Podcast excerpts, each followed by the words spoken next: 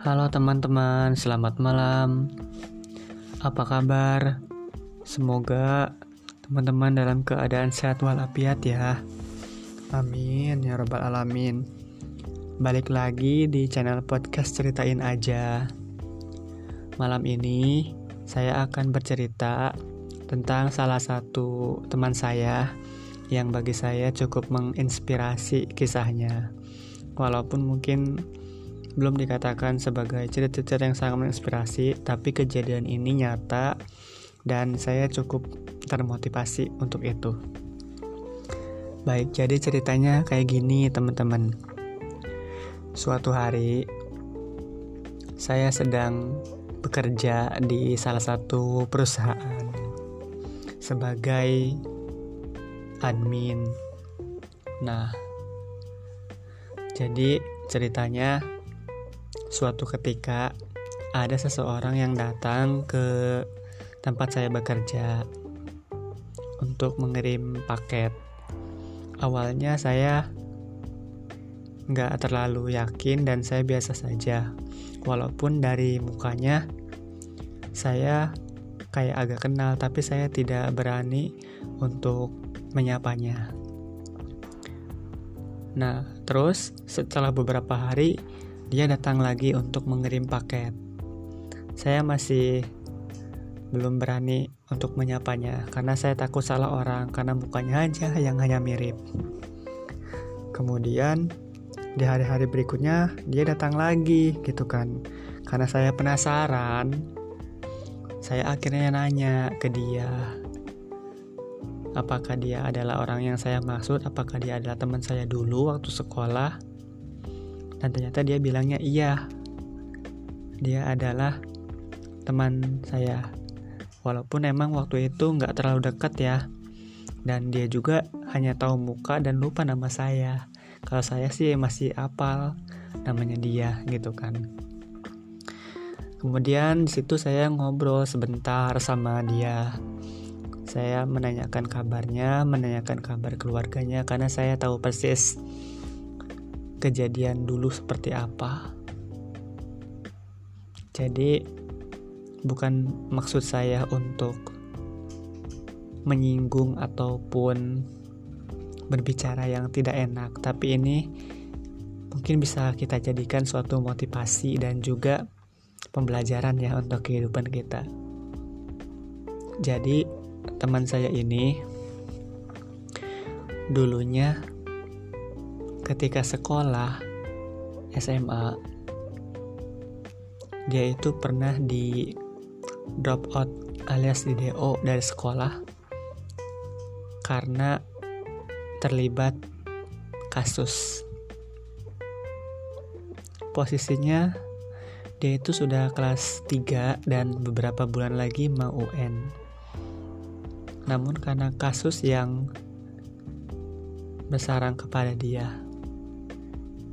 Ini bukan kasus kriminal ya, tapi kasus kenakalan remaja dengan pasangannya. Ya mungkin udah tahu kan maksud saya kayak gimana. Akhirnya dia keluar dan dia hanya ijazahnya SMP dong. Karena dia belum sempat ikut ujian di sekolahnya. Karena beberapa lagi beberapa bulan lagi kan baru ujian. Akhirnya dia keluar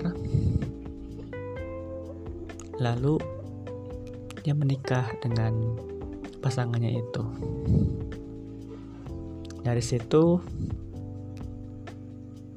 sudah tidak ada kabar lagi. Karena kita juga nggak suka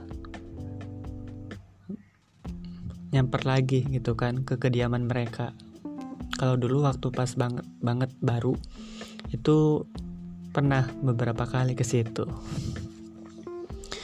setelah itu lama lama lama saya nggak pernah tahu kabarnya beliau seperti apa dan saya juga emang tidak ingin tahu karena dulunya juga kan nggak terlalu dekat gitu kan sama dia. Hanya sebatas tahu dan mengetahui kejadiannya. Namun saat sekarang saya melihat dia itu berbeda. Pertama berbedanya dari apa? Dari segi bahasa. Dari segi bahasa mungkin karena dia juga sudah lebih dewasa ya terus sudah memiliki dua orang anak sekarang kalau nggak salah. Obrolannya jadi lebih halus bahasanya juga kan di sini bahasanya Sunda ya kebanyakan Sundanya juga halus. Dan yang bikin saya cukup termotivasi juga dia sekarang sudah menjadi seorang pengusaha dia menjadi seorang pengusaha madu awalnya dia bilang jual eceran, namun sekarang sudah grosiran. Pasarnya bukan hanya lokal lagi, tapi sudah nasional. Ketika dia datang ke tempat saya kerja, dia akan mengirim paket itu hanya untuk wilayah Jabodetabek saja. Namun ketika pesanannya lebih banyak dari itu, dia akan mengirim yang lebih banyak lagi dan wow, luar biasa. Bahkan tidak hanya nasional, dia juga pernah ngirim sampai ke luar negeri. Dia waktu itu bilang pernah kirim ke Malaysia. Sempat mau ngirim ke Brunei namun bilangnya belum ada channel, jadi agak susah. Itu menggambarkan bahwa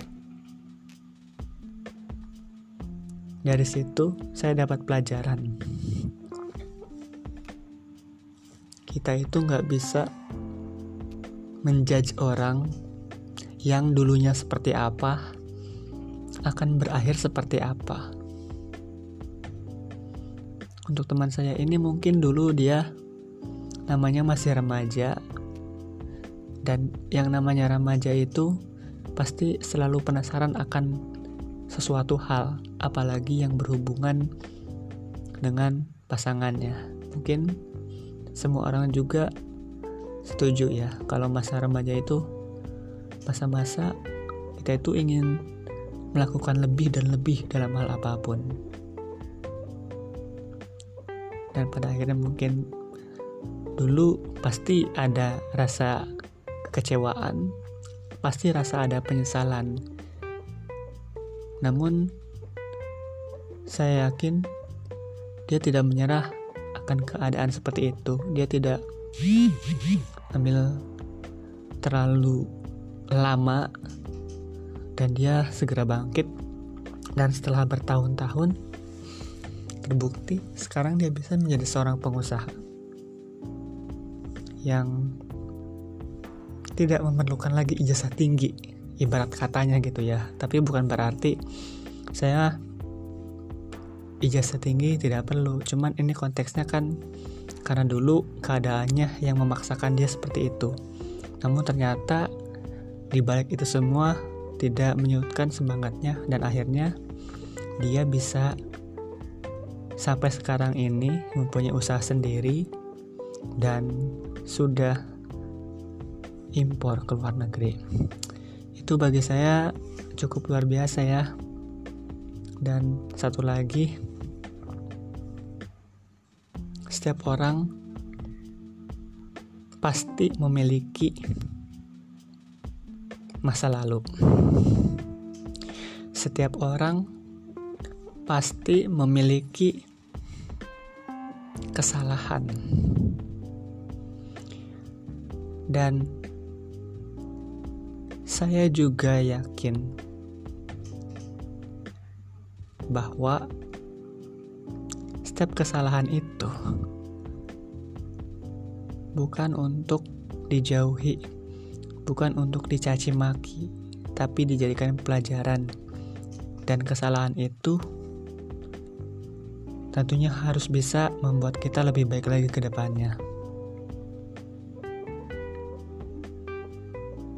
Dari cerita ini, semoga kita bisa mengambil hikmahnya ya teman-teman. Apa yang harus kita lakukan, apa yang harus tidak, apa yang tidak harus kita lakukan. Yang baiknya kita ambil, yang jeleknya kita jauhi. Semoga bisa bermanfaat ya buat teman-teman semua. Sampai jumpa lagi di channel Ceritain Aja berikutnya. Terima kasih, selamat malam.